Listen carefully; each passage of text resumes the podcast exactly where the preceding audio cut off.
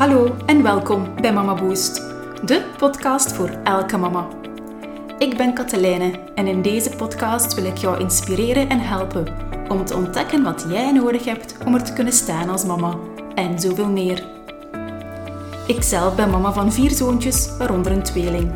Corneel, Jacob en de tweeling Camille Servaas. Ik geloof dat elk kind de weg toont naar wie je echt bent en ook wil zijn. Welkom bij Mama Boost.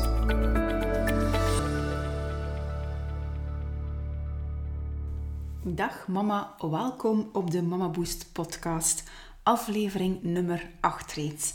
En deze aflevering, terwijl ik hem aan het opnemen ben, heb ik er eigenlijk nog niet echt een titel voor.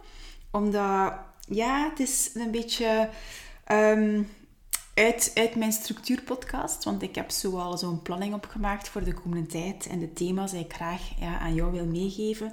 Maar dan deze is een beetje ja, gekomen uit de laatste week zo. Ja, echt wel de laatste week omdat er opmerkingen gekomen zijn van, van mama's. Niet alleen opmerkingen, maar ook echt wel feedback en, en hele toffe dingen. Dat ik dacht van, ah, oh, daar, daar moet ik toch wel eerst een podcast over maken. Ja, en als je nieuw bent in de Mama Boost ja, podcastreeks, dan van harte welkom. En ik ga me dan nog even kort voorstellen. Ik ben Katelijne, mama van vier zoontjes. En met Mama Boost, waar ook deze podcastreeks onder valt, begeleid ik mama's op dagelijkse basis. Wat inhoudt dat ik mama's help, coach, steun geef om echt voor zichzelf te ontdekken wat dat je als mama nodig hebt om er te kunnen staan. Dus als mama, maar voornamelijk ook zoveel meer dan mama. Want we zijn veel meer dan dat. Hè. Daar gaat het eigenlijk om. En dat is waar ik mama's sinds ja, toch alweer bijna twee jaar in, in begeleid. Ik vind het fantastisch om te doen. De coachpraktijk ligt in Hofstade. Dat is trouwens iets dat ik denk ik in de, nog geen een van alle afleveringen verteld heb. Hofstade bij Mechelen. Maar uh, ja, ik coach vast en zeker ook virtueel. En zeker nu ook in coronatijden. Hè, is allemaal geen probleem meer. Dus uh, op zich maakt het niet echt uit waar ik gelegen ben. Maar uh, voilà, hier gestationeerd. Uh, oorspronkelijk wel vanuit het Gentse. Vandaar ook mijn Gens accent dat je misschien wel hoort. Ja. Goed, maar vandaag, waar wil ik het eigenlijk over hebben? Dus wat heeft er mij getriggerd bij wat de mama's mij deze week zo toch wel... Het is, het is echt wel bizar zo. Van de week kwam dat naar boven en um, het heeft ermee te maken dat er een mama was die zei van... Gauw Katlijne, een paar dingen in jouw podcast hebben mij echt enorm geholpen al. En dat is als een mama die hier in begeleiding is en um, ja, doorheen de coaching sessies stopt dat niet. Dat is niet dat, hier, dat er hier, als er iemand buiten stapt, dat dan stopt tot de volgende sessie. Nee, wij blijven heel nauw in contact. We werken samen aan dingen. En ook als het moeilijk is, dan ben ik er voor die mama. Het was zo'n mama die, die mij opeens ja, een, een mail stuurde en, en daar een paar zinnetjes en zei van ja, die opmerking dat je daar gaf, die heeft mij eigenlijk nu ontzettend veel geholpen. En dat was namelijk een opmerking dat ik ooit gezegd had van, goh, ik ben mijn kinderen zo beu, maar echt zo beu. Ook al zie ik die dolgraag, toch kan ik die zo beu zijn. En dat heeft haar blijkbaar enorm geholpen en haar ook een beetje ontlast van de schuldgevoelens dat zij soms heeft, omdat zij soms ook dat gevoel heeft. Ja. Uh, en vandaar wil ik daar meer over delen. Over de realiteit van, van kinderen hebben. Hm? Dat dat helemaal niet, evident is. En ik wil daar een stukje kwetsbaarheid van mezelf in steken. En ook tonen van, ook al hebben wij hier vier kinderen, dat dat zeker niet zomaar van een leien dakje loopt. En dat was dan een andere mama die mij deze week zei van, maar Katelijne, hoe doe jij dat toch? Hè? Wij hebben twee zoontjes en um, je hebt er vier. Hoe, hoe, hoe, hoe, je dat? Hoe, hoe is dat in godsnaam eigenlijk mogelijk? en, en dat triggerde mij ook. En dat is niet de eerste keer. Er zijn er nog die mij dat vragen. En ik wil er echt eerlijk vooruitkomen en ook tonen van... Ook ik loop tegen heel veel zaken aan. En hier met ons vier zoontjes, uh, uiteraard zien wij die super graag en zouden we het ook niet anders willen. Hm? Maar toch is het bikkelhard en echt lood, lood zwaar. En ik zou kunnen zeggen hè, dat het een walk in the park is en dat wij erdoor dansen. Hm? Maar dat is niet zo. En het is heel vaak dat, dat mama's dat precies niet beseffen of dan zij het gevoel hebben dat dat alleen maar bij jezelf kan zijn, dat dat, dat, dat heel zwaar is en, en moeilijk is. En dat je dan denkt van jezelf, van, ik ben helemaal geen goede mama, wat is dat toch? Op een andere gaat dat precies allemaal veel beter. Ja, neem het van mij aan, dat is niet zo. Elk een, elke mama, ook papa uiteraard, hè, elk gezin staat in zijn eigen situatie. En um, ja, en ik, ik, ik, wil ik wil deze podcast niet maken om zo een zaagpodcast? Nee, helemaal niet. Twee dingen eigenlijk. Ik wil kwetsbaarheid tonen om ook de realiteit te tonen, omdat ik weet dat dat jou als mama kan helpen om te beseffen, amai, ik ben daar niet alleen in. Dit is normaal. Ja, omdat het toch nog blijkbaar heel weinig wordt gedeeld, dat het, dat het, dat het echt wel, wel soms afzien is. Echt waar, afzien is. Ehm, ja, en ten tweede, wat ik daar dan ook wil meegeven, zoals in elke aflevering, uiteraard ook dat, dat positieve en wat kan je eruit leren. Hè? Wat zijn die zaadjes voor jezelf dat je daar kunt uit meenemen. Ja. Dus vandaar wil ik een beetje mijn ervaring delen als uit ja, een gezin van zes, hè? vier kinderen, van hoe dat al een beetje loopt en wat ik al met mijn ervaring daarin heb geleerd en vandaag jou een beetje wil, wil meegeven precies. Uh, omdat ik tot nu toe al gevoeld heb van dat dat heel hard helpt. Die, die herkenbaarheid. En dat is uiteraard ook waar dan mijn lezing um, Help ik bij mama zelfs een beetje op gebaseerd is. Om die herkenbaarheid te tonen. Opnieuw zonder in dat negatieve te komen. Hè, want dat gaat nu wel vandaag waarschijnlijk wel wat zwaar klinken. Maar het is gewoon zo. Het is de realiteit. En waarom zou ik dat dan uh, verstoppen? En als je al een paar naar mijn aflevering hebt geluisterd of mij volgt op Instagram mij al wat kent, dan weet je heel goed dat ik net heel positief in het leven sta, een enorme positieve mindset meedraag en in alles een leerproces zie. Hè? Hoe zwaar het ook maar is. En dat is echt wel de houden draad binnen mijzelf en uiteraard ook binnen Mama Boost. En dat is de reden waarom ik Mama Boost doe om net jou als mama te kunnen helpen in, in, in de moeilijkheden dat, er, dat jij ervaart. Hè. In het moederschap, en dat gaat dan niet over opvoeding en zo. Hè. Nee, nee, echt in, in jezelf. Hè. Um, ja, het hangt allemaal samen. Het is mama zijn en zoveel meer dan dat. Ja. Dus... Um, ik heb zo niet echt structuur voor vandaag. Ik heb testpressen niet echt helemaal voorbereid. Ik ga het een beetje spontaan laten komen.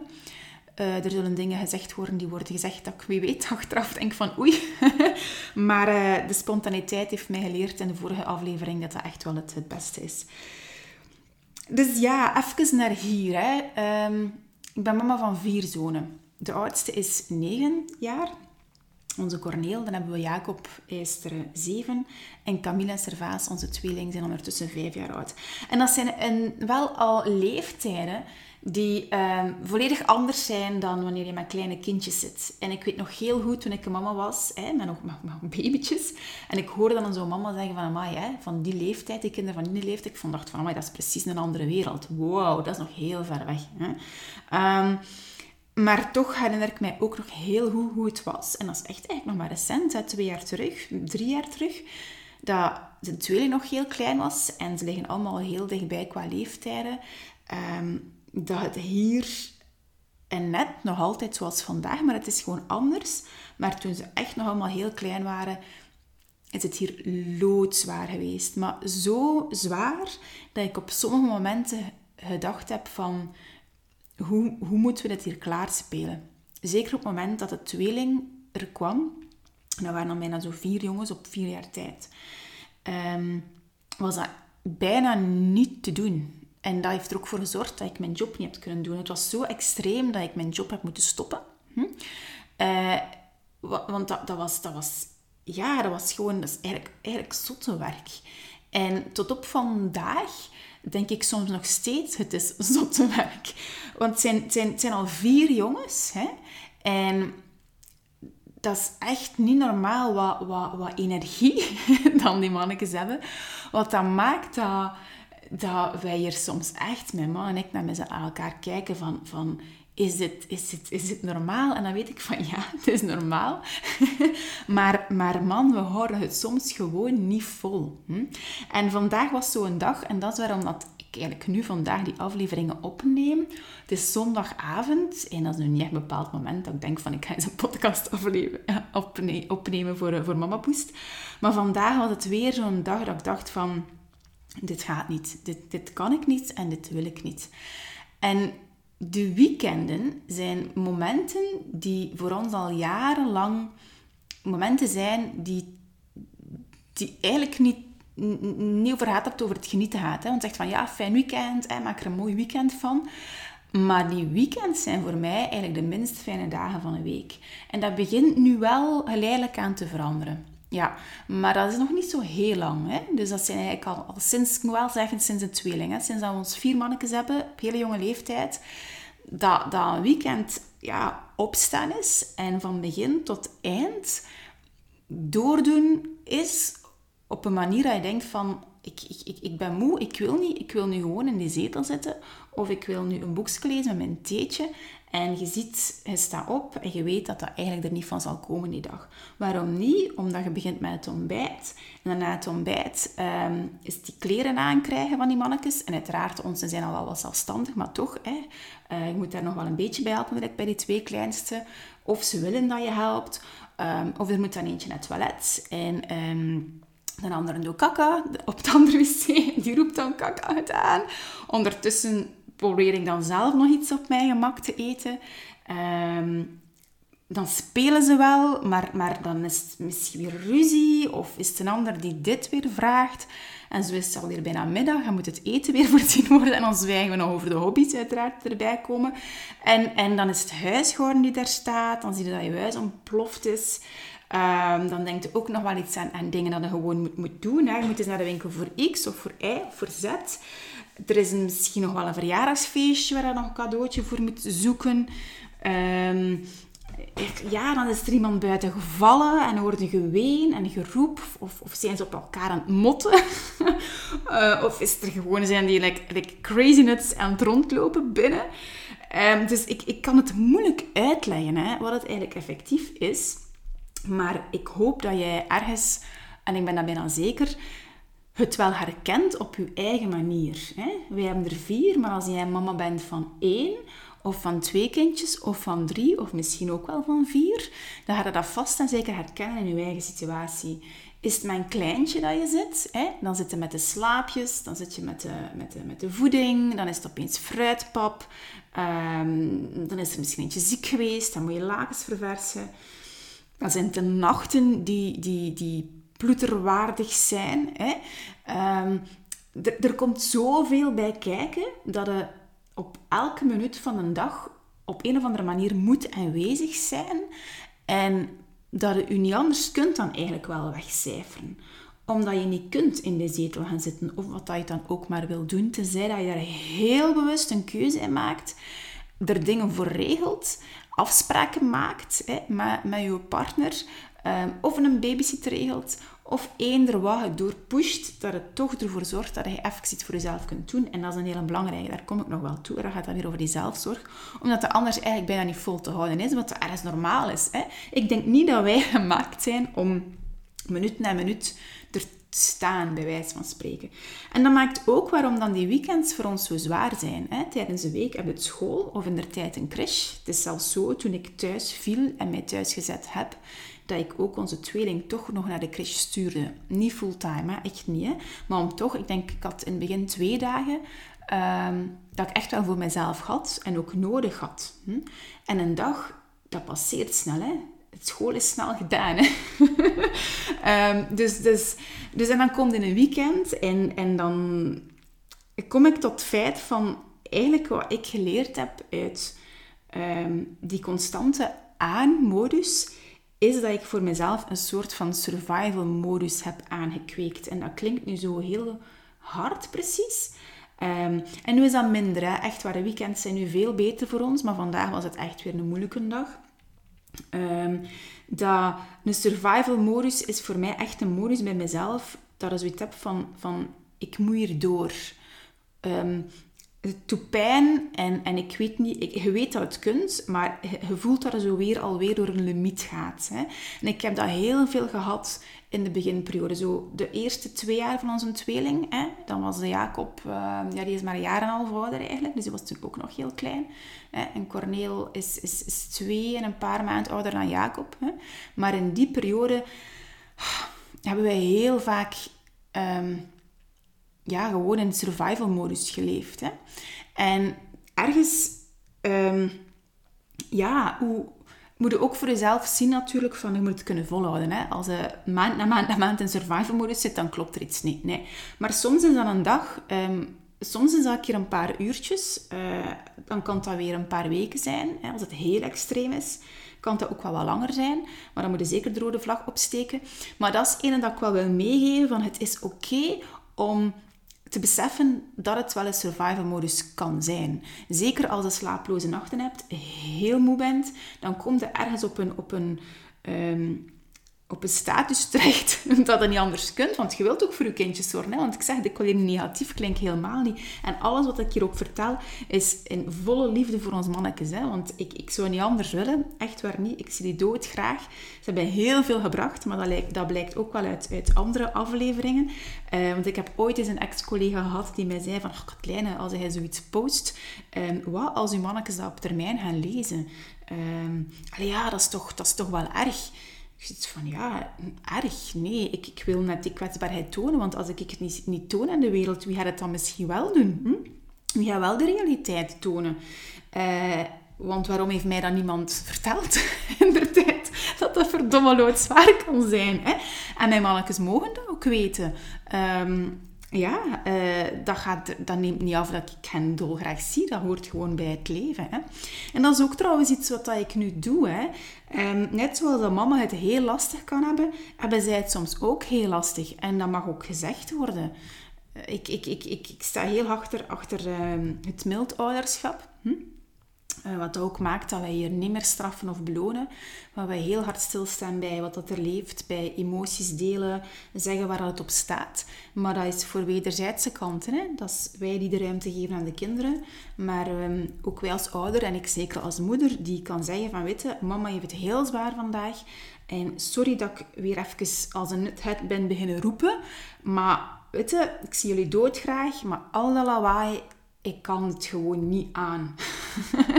en ik kan jullie tien keer vragen om wat stiller te zijn, maar ergens, weet je, wil ik hen ook niet gaan beknotten in hun, in hun jongens zijn en in energiek zijn en dat daarbij komt kijken. Ik zou ze kunnen verplichten om stil te zijn hè? en daar weet ik niet, consequenties en hangen wat dan ook. Maar ergens wil ik dat niet. Ik wil net dan zij de losbol kunnen zijn en het wijdse kind kunnen zijn. Eh, want ik weet dat dat op termijn heel veel goede zaken gaat teweegbrengen. Maar het vergt wel van mij als moeder, en ook zeker aan mijn man, dat vergt heel veel energie van ons. En dat maakt ook wel dat ik dat dan ook open en bloot zeg van mannetjes... Soms kunnen we het niet meer aan. Hè? En nu gaan we even een tv aanzetten. nu hebben wij nood en stilte. Iedereen voor een film. En dan kunnen wij even toch op het gemak op ons gemakje eten, bijvoorbeeld. Hè? Ja. Um, dus, dus ja, die, die survival modus. Weet dat dat zo... Je ziet dat misschien zo'n beetje als een knop dat je kunt even kunt inzetten. Als het zo echt niet meer ziet zitten van weten van oké, ik zit eventjes in survival modus. En dat is oké dat je daarin zit. En dat is ook meer dan normaal. Ja. Ja. Um, en dat brengt me misschien ook wel een beetje tot het volgende, dat als je hier dingen in herkent, um, en ik ga misschien nog wel wat ook meer concrete voorbeelden geven, um, maar heel vaak krijgen mama's zo schuldgevoelens zo van, van oei, hè, uh, hoe reageer ik hier nu? Of ik ben er niet op een manier dat ik er zou moeten zijn. Ik vond het weekend nog iemand gehoord die zei van, goh, kleine, soms laat ik mijn kindje in de auto zitten als we thuiskomen en, en het zit nog in de maxicosi en het slaapt nog. Dan laat ik dat in de auto zitten, want dat is toch wel erg op je gemak al eens uitladen. Wie weet moet het thuis nog binnen koken of weet ik niet veel wat af. Het is gewoon even rustig en stil. Ik voel me dan zo schuldig dat ik dat kind in de auto laat zitten. En dan denk ik van, laat het alsjeblieft even in de auto zitten. Zolang dat niet vijft, allee, zolang dat niet warm is uiteraard. Niet te golven. Hè. En ook niet als mega vries dat onmiddellijk kous hebben. Nee, hè. maar dat is allemaal niet erg. Hè. Als jij dat een momentje is dat dat je even kan opladen, van doe dat alsjeblieft. Hè. Ehm, ik ook. Ik, ik, bijvoorbeeld, ik ga recentelijk naar de Pilates. Nu is het corona, dus nu gaat dat niet. Maar dat is bij mij op 6 uur op maandag. En ik heb dan een beetje espresso ook in de shift gelegd. Omdat dat dan zo'n keer momentje is dat ik net kan, kan vluchten. Hm? En het is soms dat mijn man dan nog niet thuis is van zijn werk. En dan ik ze dan even alleen laten. Ik zet ze voor de tv en ik vertelde dat. En dan zei mama van, ach, kleine, ben ik blij dat ik dat hoor. Want ik voel me dan altijd zo schuldig. Hè? Van, kan dat wel? En ik ga niet zeggen dat dat bij iedereen kan. Dat heeft ook te maken met de leeftijd van jouw kinderen. En, en, en je moet echt heel hard voelen wat dat mogelijk is. Hè? Ik weet dat dat hier lukt. Uh, dat dat niet voor heel lang is. Dat de tv aan staat. En eh, dat de buurvrouw er ook is, dat ik weet dat ze daarbij terecht kunnen. Um, we weten dat van elkaar, dat is hier een hele open tuin en zo. Um, dus, dus ja, weet je, zo die voorbeelden voel ik dat nodig zijn om, om aan mama's te tonen van... Hey, zoek ook wat dat jij nodig hebt om het te kunnen blijven dragen. Hm? Uh, en, en dat schuldgevoelens er mogen zijn, want dat zijn gevoelens, dat zijn emoties dat je niet kan wegdrukken. Maar het is echt wel oké. Het is normaal dat, dat de ja, um, dat je dat misschien voelt uit liefde voor je kind, maar doe ook, het is echt bijna een verplichting aan jezelf om toch dingen voor jezelf te gaan doen om het te kunnen volhouden. Hè? Dat ze spreekt over die survival modus, als dat continu is, dan is dat niet goed. Je hebt dan dingen nodig. En dat gaat echt over het feit dat jij jezelf moet even tijd gunnen. Ja, echt wel. Je kunt dat niet volhouden, of ik zou dat niet kunnen volhouden, moest ik niet heel bewust voor mij um, ja, mijzelf op de eerste plaats zetten. Ook al weet je dat als ouder eigenlijk je kind steeds op de eerste plaats zet. Maar dat gaat dan weer over die zelfzorg. Ik heb er al een aflevering over gemaakt, een podcastaflevering. Dan moet je zeker ook een keer naar luisteren als je dat nog niet gedaan hebt. Uh, want daar gaat ook een beetje van wat gebeurt er als het niet doet voor jezelf. Hè? Waar, waar eindigt het dan? Dus het is echt wel een verplicht... Eh, ja, je zit dat gewoon verplicht aan jezelf, ten eerste. En ook echt aan je kinderen. En zelfs ook aan, aan je relatie, bij wijze van spreken om dingen te gaan doen dat je opladen. En dat kan eender wat zijn. Zoals dat ik me echt mezelf in niet-coronatijden gun, dat ik een keer een paar dagen naar een vriendin in Oostenrijk ga. Of dat ik een keer op verdiepingsreis vorig jaar naar Marokko ben geweest. En moest het geen coronajaar geweest zijn, dan zou ik wel weer ergens in de woestijn gestrand zijn. Om gewoon even weg te zijn van dit alles. Ja. Um, Bijvoorbeeld ook deze week heb ik een opleiding en normaal zou dat een, eh, een tweedaagse zijn, ergens eh, weg, hè, weg van thuis. Nu gaat dat virtueel door en ik heb ook weer bewust ervoor gekozen dat ik in het huis, dus corona-safe in het huis, ergens in een kamer van mijn ouders ga gaan zitten, om het daar te volgen en daar ook hè, te, te, even te zijn om, om, om mij die, die ruimte voor mezelf te gunnen. Want wanneer ik dat niet doe, dan kan ik het niet aan. En dan gaan mijn um, uitspattingen, zoals een keer ferm roepen en het gewoon niet kunnen en, en echt gewoon hek worden. Uh, of te veel in survival modus moeten gaan, omdat ik er dan niet stevig genoeg in sta. Hè. Um, ja, dan, dan, dan, dan lukt mij dat niet. Dus ik moet dat echt voor mezelf doen. Dus als jij ook zo voor jezelf voelt van ja, het, het, het weegt allemaal heel veel, maar ik wil er gewoon voor mijn kinderen zijn, want als ik dat niet ben, dan voel ik mij schuldig. Oké, goed, maar je, je, moet het doen gewoon voor jezelf en ook voor je kinderen. Anders je loopt het echt wel verkeerd af of is het gewoon niet leuk. En ook naar je kindjes toe, echt niet, echt niet. Nee. Um, dus neem die schuldgevoelens daar gewoon bij, maar, maar, maar, doe het effectief. Ja. Um, er is bij mij wel een, een, een rode draad die mij niet alleen de tijd dat ik voor mezelf neem en de ruimte dat ik voor mezelf neem, maar echt ook opeisen. Dat gaat over opeisen. Hè. Er is altijd een weg om het te doen. Um, is er nog een rode draad. En dat is een draad van, van kunnen ventileren over alles wat dat meemaakt. En um, ik heb de chance om, om, om een paar hele goede... Ik heb, ik heb veel vrienden, maar ook wel een paar hele goede vriendinnen te hebben die een neutraal luisterend oor zijn voor mij. En in der tijd, als ik nog maar één of twee kinderen had, dan, zagen we elkaar al nog veel. Maar op den duur gaat dat ook niet meer. En dan, dan, dan verschuift dat naar heel veel telefoons s'avonds. Maar ook dat gaat op den duur niet meer. En nu zijn wij op het stadium gekomen dat wij naar elkaar WhatsApp-berichten inspreken. Dus WhatsApp heeft zo'n uh, opnamemogelijkheid. Als je dat nog niet kent, dat is echt een enorme aanrader. Het voordeel daarvan is dat je eigenlijk naar, naar, naar je vriend of naar een vriendin, eender wie, of naar een zus, of ik weet niet, naar je moeder, een bericht inspreekt. Daar staat er onbeperkte tijd in. Dus ik spreek soms een bericht van 20 minuten in. En um, dat is heel fijn, omdat je eigenlijk nooit niet onderbroken wordt. En je gedachten krijgen een vrije loop. En ergens is dat een beetje een psychologisch dagboek. En dan de vriendin in kwestie luistert naar dat bericht eender wanneer dat ze dat wil. Hè. Dat is heel handig op het moment dat ze aan het wandelen is of, of was aan het plooien is of eender wanneer. En het antwoord komt dan ook, hè, dan, dan het antwoord op wat dat je gezegd hebt, maar ook uiteraard valt niet alles te onthouden, dus dan worden de dingen wel uitgefilterd. En ook zij vertelt van haar ervaringen en zo, over, over wat zij allemaal meemaakt.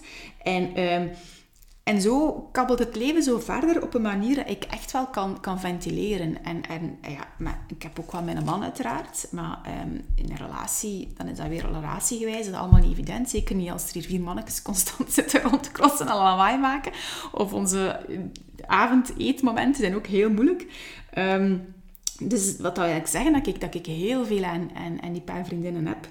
En dat zijn luisterende oren die dan ook niet per se met advies komen of zo, maar die er gewoon zijn. En dat is een hele, een hele, hele kracht in. Ehm, dus als jij als mama nu zit hebt van ja, ik heb dat ook en dat is waar, dan is dat top. Heb jij zoiets van nee, ik heb dat eigenlijk niet? Bekijk dan een keer voor jezelf hoe dat je dat kunt misschien ontwikkelen. Misschien heb je wel vriendinnen. Hm? Um, je hebt zeker vriendinnen, daar twijfel ik niet aan. Maar ik wil maar zeggen, die, die, die daar misschien voor openstaan om, om, zo, om dat zo te beginnen doen. Ehm, of misschien heb je een zus of, of een moeder, of, of ja, het kan van alles zijn. Maar zo, zo dat je echt kunt ventileren. Dat is een super, super, super belangrijk. Want als je ventileert, dan ga je ook herkenning vinden bij de ander. Hè.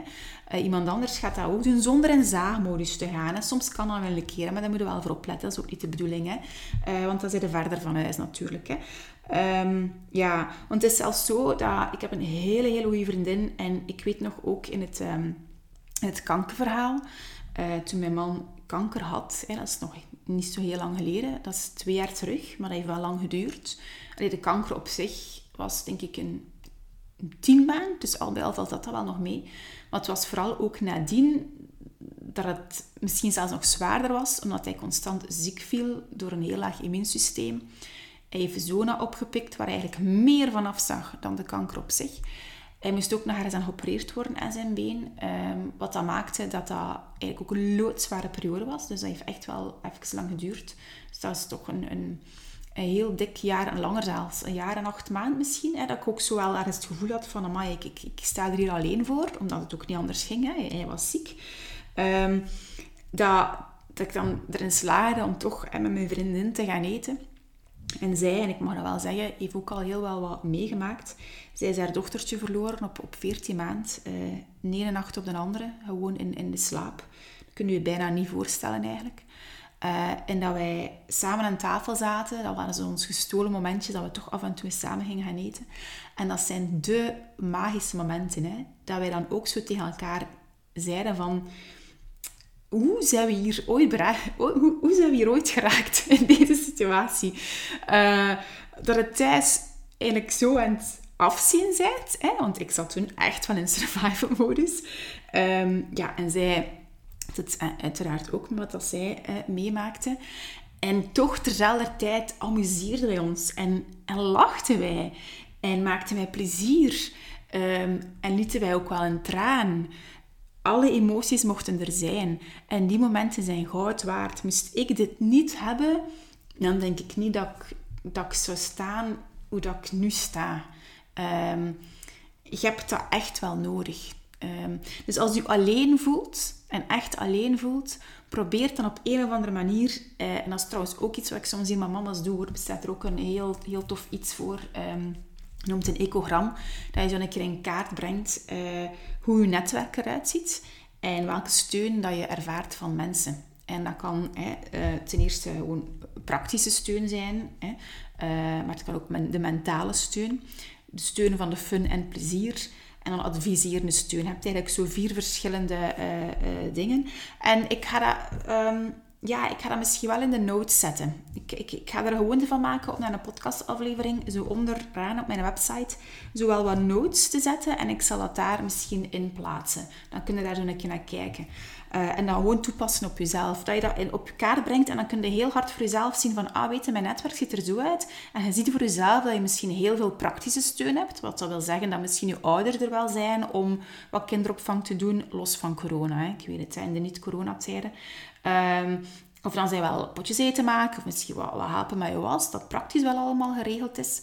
maar dat je ziet dat je bijvoorbeeld ehm, weinig mentale steun hebt bij bepaalde, bij, in je netwerk. En dat je ook wel ziet dat je misschien net ook wel heel hard um, adviserende steun hebt. Dat echt van, ja, daar kan ik wel bij voor advies en zo. Of funplezier. Dat je wel veel vriendinnen hebt voor de fun, maar je voelt dat, men, dat, zo dat die mentale steun er niet echt is. Dat is interessant, dan kun je gaan zien van waar wilde meer en wat kun je daar ook aan gaan doen. Hè? Hoe kun je dat meer gaan, gaan, gaan, gaan teweegbrengen door daar misschien een gesprek met iemand over aan te gaan. Hè? Um, door, door te investeren in bepaalde relaties of een oude relatie weer een beetje, op te krikken. Dus dat is een heel interessante oefening eigenlijk om, om te doen, om voor jezelf echt te zien van, ga, um, dat je niet alleen bent. Ja. Uh, ik zeg het, zonder, ik zonder mijn vriendinnen zou dat een, een heel ander verhaal zijn. Vast en zeker. En je leert ook van elkaar, sowieso. Hè? Ja. Want het is wel een feit, ik mans vier hasjes het is ook een tweeling. Ik vergeet dat zelfs soms, dat, wij een tweeling hebben, omdat ik heel bewust zich ja, hun, hun wil in het leven zetten als, als twee unieke personen. Hè. Ook al haat dat niet, want een tweeling is een tweeling. Hoor. Die, die hangen elkaar niet normaal. maar toch, hè, ik zal ook bijna nooit niet zeggen de tweeling. Hè. Hier bij ons zeggen we altijd Camille en Servaas. Um, ja, vandaar ook. Maar dat ik mij daar soms ook wel alleen in voel. Omdat die situatie al vaak heel extreem geweest is dat ik zoiets denk van, oh, wie, wie kan mij begrijpen? En, en dan denk ik van, ja, er hoeft mij niemand te begrijpen. Zolang ik zelf maar weet wat ik nodig heb om, om te kunnen blijven staan en het te kunnen blijven dragen.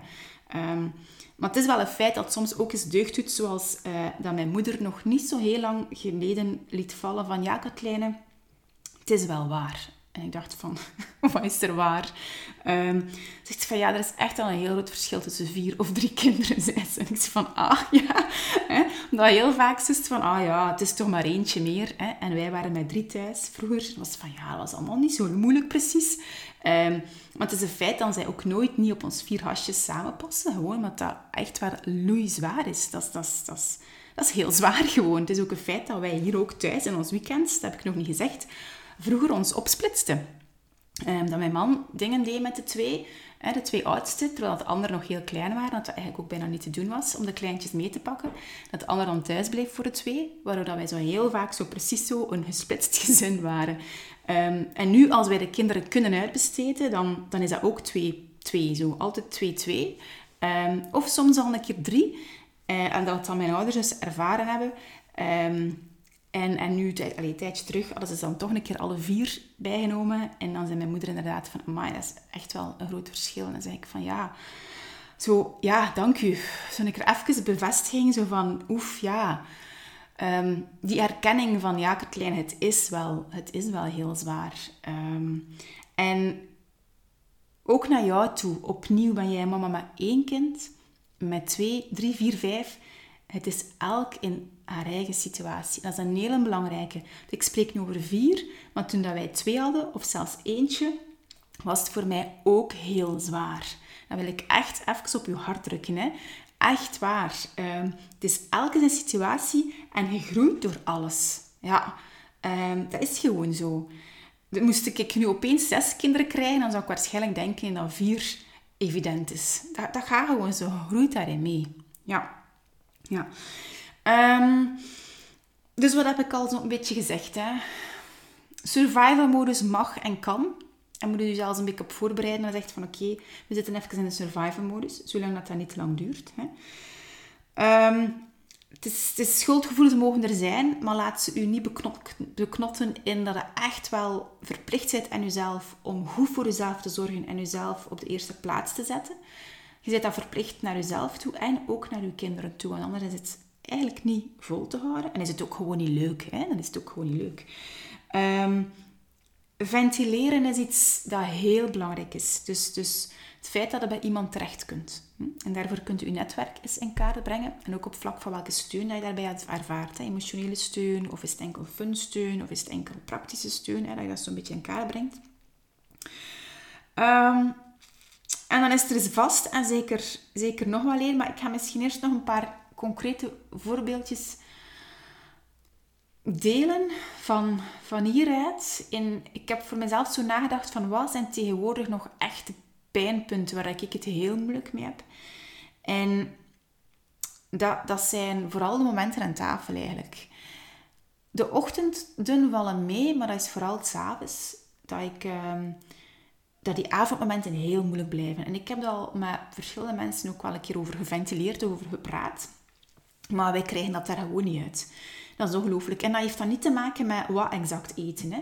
Ehm, ik ga even eerst drinken. Wacht, ik voel zelfzorg.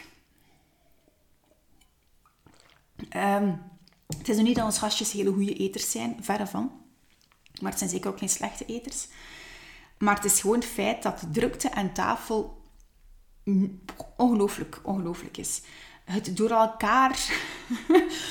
Ze willen allemaal iets zeggen en dan krijgt er een het niet gezegd. En dan begint hij te wenen, omdat als het dan aan hem is, hij vergeten is wat dat hij wil zeggen. Dan hebben we er eentje momenteel die zo zot is als een achterdeur. En die amuseert hem daar rot in. Maar dat is soms echt wel ambetant. Hè? Als er zo'n clowntje aan, aan tafel zit. Dan hebben we een andere, die, die zitten naast elkaar op een bank. Die, die daar dan ook zo aan elkaar zitten trekken. Of elkaar zitten pijn doen op een of andere manier. Um, ik en mijn man zitten daar dan zo bij en wij proberen dat in goede banen te leiden. En, en soms lukt dat wel, maar dan moet je ook echt wel al stevig in je schoenen staan op dat moment. Maar s'avonds zijn je gewoon moe en wilde even gewoon rustig eten. Hè. Um, of het valt dan iets van eten op de grond. Um, of het potst dan toch nog in zijn glas omver. Of het is dan toch een die zaagt over het eten dat hij het niet lust. Of je wilt dan aan je eigen bord beginnen en dan is zijn ander bord al leeg en is het weer tijd om dat op te scheppen en daar zijn vlees te snijden. En ook al zijn ze al de jongste vijf jaar oud, toch, toch, toch moet dat toch ook nog wel, wel, wel gebeuren. Ehm, nee, niet evident. En ik kan het zelfs moeilijk omschrijven, maar dat zijn voor mij echt de, de pijnlijkste punten. uh, wat dat ervoor zorgt dat wij zeker ook wel eens apart eten hoor. Dan de kinderen eerst eten krijgen en dat we ze dan voor de tv zetten, zodanig dat wij een keer rustig op het gemak kunnen eten. Maar uiteraard willen we dat niet altijd doen. Hè. Je, wilt, je wilt een beetje, ja, wij, wij, zo die, die gezinservaring. Hè. En ook zo tonen van we zijn hier als gezin. En um, ik zou kunnen zeggen van zwijgt allemaal. Hè? Een regel aan tafel, zwijgen, eten, dat dat je bord uit is en bah. Maar ja, zo ben ik dan ook weer niet. Nee, opnieuw zo. Ehm, ze mogen er zijn, weet je. Ze mogen, ze mogen een uitklaarklep hebben. En dat is misschien niet exact aan het moment, maar toch nee, ik ga die niet gaan knotten. Daar sta ik helemaal niet achter. Maar het is een heel moeilijk moment. Ik noem dat dan het crisismoment eigenlijk. Ja, ja. Uh, wat dat misschien ook wel herkenbaar is voor u. Um, en nog andere momenten, en dat is nu al veel beter. Dat is sinds van jaar eigenlijk gedaan, maar dat was zelfs vorig jaar ook nog. Dat zijn de momenten dat ik ze ga ophalen op school. Um, man, man, eh, ze blijven in de opvang. Nu de oudsten, of de twee oudsten eigenlijk niet. Alleen soms, dus te zien. Um, de oudsten alleszins nog weinig. We zijn het de laatste tijd weer een beetje aan het aanpassen, omdat dat eigenlijk constant een zoektocht is. Hè. Dat is constant aanpassen en zoeken um, naar wat dat er best marcheert. Maar vorig jaar zaten ze alle vier nog op de opvang en dan gingen die gaan halen. En dat was eigenlijk echt helemaal niet laat hoor, vier uur hè. of is half vijf. Oké, het kon ook wel eens vijf uur zijn. Man, man, maar ja, op het moment dat ze de mama zien, ja, dan is het om zeep. Hè. Vooral de jongste twee Oh, ene gaat dan op de grond gaan liggen, wil niet meer recht staan. Um, die jassen bijeen graaien, die boekentassen meekrijgen. Zien dat dat flesje water of zo de, de tube los zit, waar heel die boekentas kletsnat is. Koekendoosjes bijeen graaien. Oh, ze meekrijgen en dan erin slagen om eigenlijk uit de opvangzone te zijn en dan op de speelplaats te komen en, en dan ze opnieuw weer niet meekrijgen omdat er daar toch nog eentje op een, op een of ander hingspelletje wil spelen. Of de ander krijgt dan een stamp en, en valt en weent. Ehm, ja, dat zijn echt tafereelen die ik denk ook wel voor u herkenbaar zijn. Uh, moest het niet zo zijn, dan ben ik heel blij voor u. Maar och, echt waar. Ontzettend zwaar. Opnieuw s'avonds. Zwaar voor uzelf, voor mij omdat een moe bent na een werkdag. Maar ook voor hen. En dat is meer dan normaal. Hè? Um, en nee, het ene zoontje heeft al erger dan het andere, um, in verband met prikkels. En, en, en dat is ook ventileren, wat opnieuw zo normaal is, maar het maakt het zo zwaar, zo zwaar. Um, en dat is ook wel weer zoeken naar wat dat kan. Ik heb een tijd altijd koekjes mee gehad. En, en ja, was dat dan ideaal? Nee, maar goed. Hè, dat was eigenlijk misschien zelfs een beetje een lokmiddel, een koekje. Um, nu is dat weer niet. Uh, we hebben ook een, een, een, bepaald moment een nanny gehad die dat ene keer in de week deed, hè, in mijn plaats. En dat was in de periode ook van de kanker. Hè. Dus mijn man, ja, die kwam nooit op school. Hè. Ik deed het allemaal. Hè. En dat is ook de moment dat ik Mama Boost uit de grond gestampt heb. En dan zou ik kunnen denken van Katlijn, was dat dan zo'n goed idee om dat allemaal te gaan combineren? Maar ik had dat nodig. Dat was, dat was mijn uitlaatklep. Dat was, dat was mijn ik. Mama Boost is, is ik. Dat is helemaal mezelf. Dus dat was niet iets dat ik ging stoppen. Of weer ging stoppen. In, tegendeel zelf. Dus, uh, dus dan is het weer zoeken. Hè? Dus wat maakt dat er een nanny... Um, op het toneel verschenen is bij ons. Dat is momenteel niet meer het geval. Maar uh, dat heeft ook enorm geholpen. Hè? Om echt die, die crisismomenten nu daar ook een beetje in te gaan ontlasten. Dat is, eigenlijk, dat is misschien ook een fijne oefening voor jezelf. Wat zijn de momenten dat voor u heel zwaar zijn? Wat zijn de moeilijkste momenten? En wat kunnen we gaan doen om een beetje te gaan kneden wat het toch wel ja, werkbaar maakt? Voor ons zijn dat dus ook de, de weekenden. Hè? Um, die nog altijd zwaar zijn. Het is echt wel beter omdat ze nu ouder zijn, maar toch uh, blijft dat een moeilijke. En dat is bijvoorbeeld heel bewust naar buiten gaan. Binnen blijven is zeker geen optie. Als de zwembaden open zijn, nu is dat wel weer, maar in corona ga ik nu wel niet. Maar als het weer wat veiliger is, is dat elk weekend gaan zwemmen. Ga ik met de vier hasjes. Ik heb dat gedaan als ze ook klein waren. En dat is, dat is, dat is pittig, hè. Mocht u inbeelden met vier kleine hasjes, kleren uit, um, het zwembad in, weer eruit, die douches, die kleren aan. Oh, mannetjes. Ah, niet normaal. Maar het, het, het, ik deed het of ik doe het omdat dat een dag breekt en dat wij zo een dag beter kunnen doorkomen. Ja. Vriendjes uitnodigen, ook omdat dat ook helpt. Ook al heb ik dan opeens zeven kinderen bij wijze van spreken, toch is in een dag, gaat in een dag vlotter dan dat we bijvoorbeeld alleen maar met de vier kinderen zijn. En dus eigenlijk is dat een constante zoektocht. En en dat is eigenlijk wat ik nog, nog wil, wil, komen ook. Um, dit alles is voor mij ook alleen maar mogelijk geweest omdat ik constant aan mijzelf werk. Ik zou het allemaal niet kunnen, moest ik niet hulp inroepen. En um, ik heb over het laatst een vriendin gehad die, die naar de podcastafleveringen geluisterd had. En ze zei van, Katlijn, is allemaal, allemaal heel goed. Maar je zegt altijd van, hè, als ze hulp nodig hebben, dan ze, dan ze tot bij u komen. En uiteraard, hè, dat is mijn job, dus, dus uiteraard. Dan zegt ze van, ja, het gaat ook over het feit dat, dat mama's gewoon hulp inroepen. Hè. Of dat dat nu bij jou is, of, of bij iemand anders, van een vriendin, of een mama, of, of, of een andere externe hulp. Hè. Um, dat dat, dat, dat, dat ook een belangrijk bericht is. Dus ik wil dat bij deze zeker delen. Uiteraard, hè, jullie kennen waarschijnlijk de zin wel... It takes a village to raise a child. Dat is gewoon zo. Je kunt dat niet alleen. En, en dan moet je hulp inroepen. En dat kan praktische hulp zijn, maar dat kan zeker ook, en dat is gewoon een must, vind ik, mentale hulp zijn.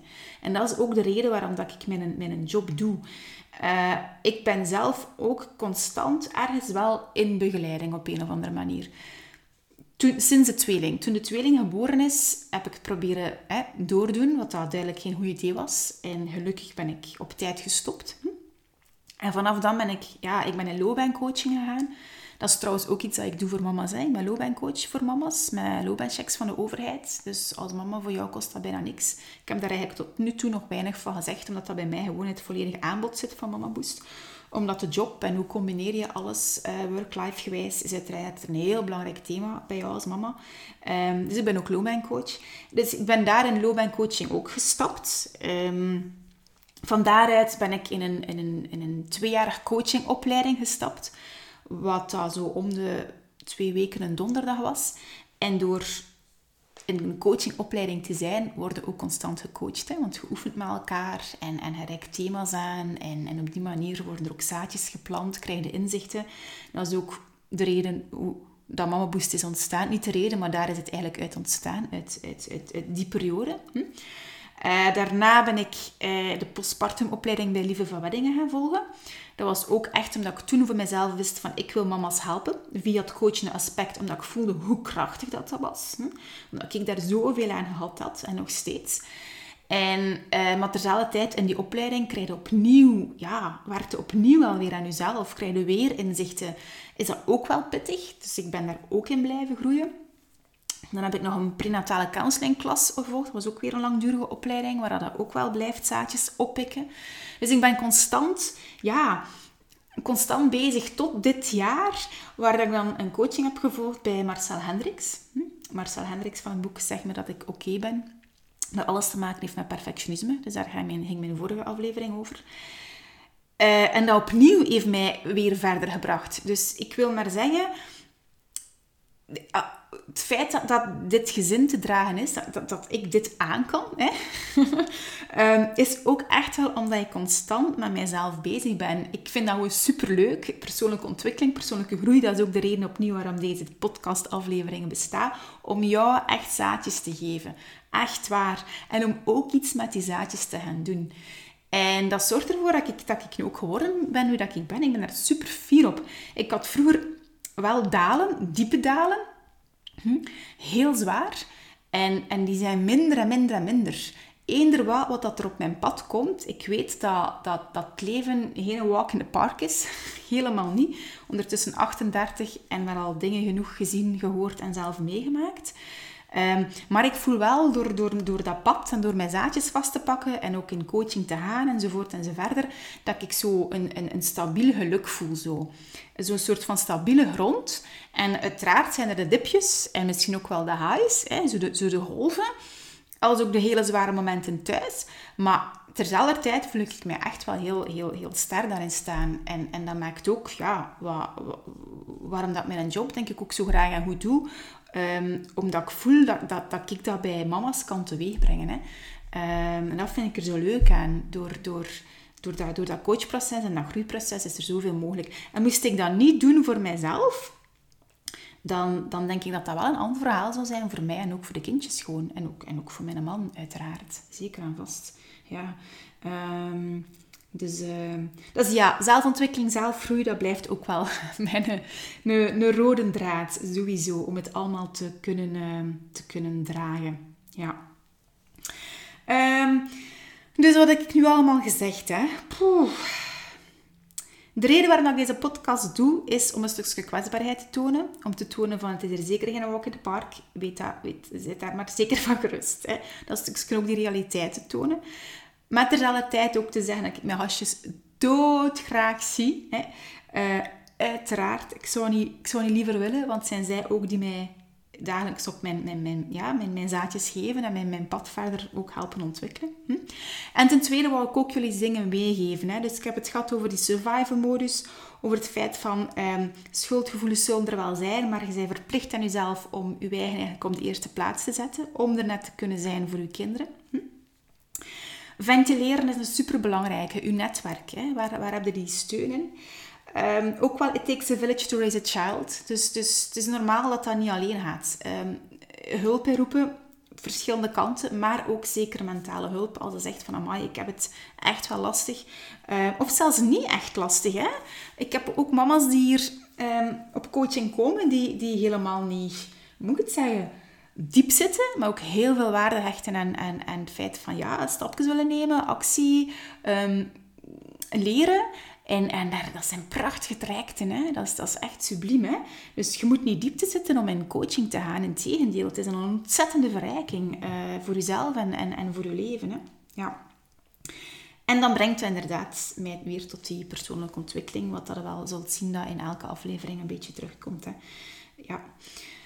Ja, dus, dus, dus voilà. Er is nog waarschijnlijk veel meer, maar ik zie dat ik al in 50 minuten zit. Dat is gewoon ontzettend lang. Ik ga het hierbij laten en ik wil nog één iets meegeven. Dat is namelijk ehm, een boek uh, dat ik van, van de vriendin waarvan ik sprak gekregen heb een tijdje geleden. Dat is een prachtig boek. En dat staat vol met hele mooie zinnetjes en quotes die, die alles zo'n beetje symboliseren, vind ik. Um, als een mama zei en je slaat in een boek open, dan is elk zinnetje die erin staat heel inspirerend. En die boek noemt De jongen, de mol, de vos en het paard van Charlie McCasey. Ik ga dat ook in de notes zetten.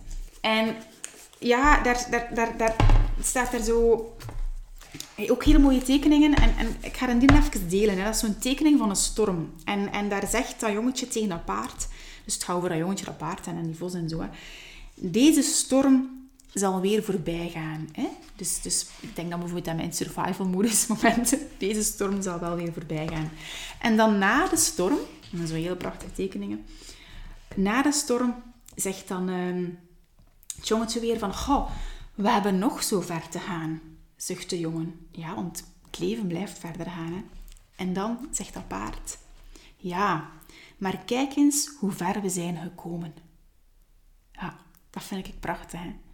Kijk eens hoe ver we zijn gekomen. En dan wil ik ook nog meegeven. Hè? Kijk een keer wat dat je allemaal hebt gedaan. Hè? Ehm, maar je dochtertje, je zoontje, of, of het, zijn er, zijn er misschien meer, hè? dochtertjes, zoontjes. Kijk een keer wat dat je allemaal bereikt hebt. En daar moet je ook wel een keer bij stilstaan en heel fier op zijn. Want uiteindelijk doen we elke dag toch maar eigenlijk ons stinkende best. Hè? Dat je dan zo mocht zeggen van, kijk eens hoe ver we al gekomen zijn. Prachtig, hè? Ja. Dus dat boek is echt een, uh, ja, een, hele, een hele schone. Voilà. En hier ga ik het bij laten. Hè. Ja, dus um, zoals steeds, hè, heel hard welkom bij, bij Mama Boost. Um, sowieso. En ik wil nog iets meegeven trouwens. Op 7 januari, dus ik weet niet wanneer je naar deze podcastaflevering luistert, maar op 7 januari 2021 dus um, geef ik een webinar, een gratis webinar. Dat is op een donderdagavond om 8 uur. En um, dat is eentje waar dat ik nog wel een stukje, een klein beetje van mijn verhaal vertel, maar ook voornamelijk nog eens de, de drie pijlers van Mama Boost in de verf zet. Dat is ook een, een twee afleveringen terug, denk ik, van de podcast, heb ik het daar ook over gehad. Maar vooral ook om ja, nog wat concrete tools te geven. Het is geen workshop, dat is iets anders. Dat komt er ook nog wel een keer aan. Maar deze keer is het een webinar. Um, om, om ook ja, Mamaboost nog wat beter te leren kennen, um, te tonen waarvoor dat staat en ook op welke manier dat het jou kan helpen, met ook alweer hele concrete tools. Ja. Dus wil je daar heel graag bij zijn, dan stuur mij gewoon een mailtje op katelijne.mamaboost.be of je gaat naar de website mamaboost.be en daar ga je onder aanbod de lezing terugvinden. En bij de lezing vind je de link terug naar de webinar. Uh, want die webinar, ik ga niet zeggen dat dat de lezing vervangt, maar lezingen gaan nu niet meer door omwille van corona. En eigenlijk vind ik dat virtueel ook wel heel fijn, want dat vergt van mij veel minder energie om het land rond te rijden naar de lezingen en zo. En uh, dus ik ga zo meer en meer beginnen doen wel, denk ik. Maar oké, dus, dus, dus dan ehm, 7 januari, de eerste sinds toch alweer heel lang. Ik denk dat het geleden is van augustus. En ik zie wel dat mama's daar altijd heel erg bij zijn en ook heel veel aan hebben. Vandaar. Um, dus heel hartelijk welkom. Goed, dus die is gratis. Hè? Uh, en dat is ook altijd nog een extra motivatie, motivatietje.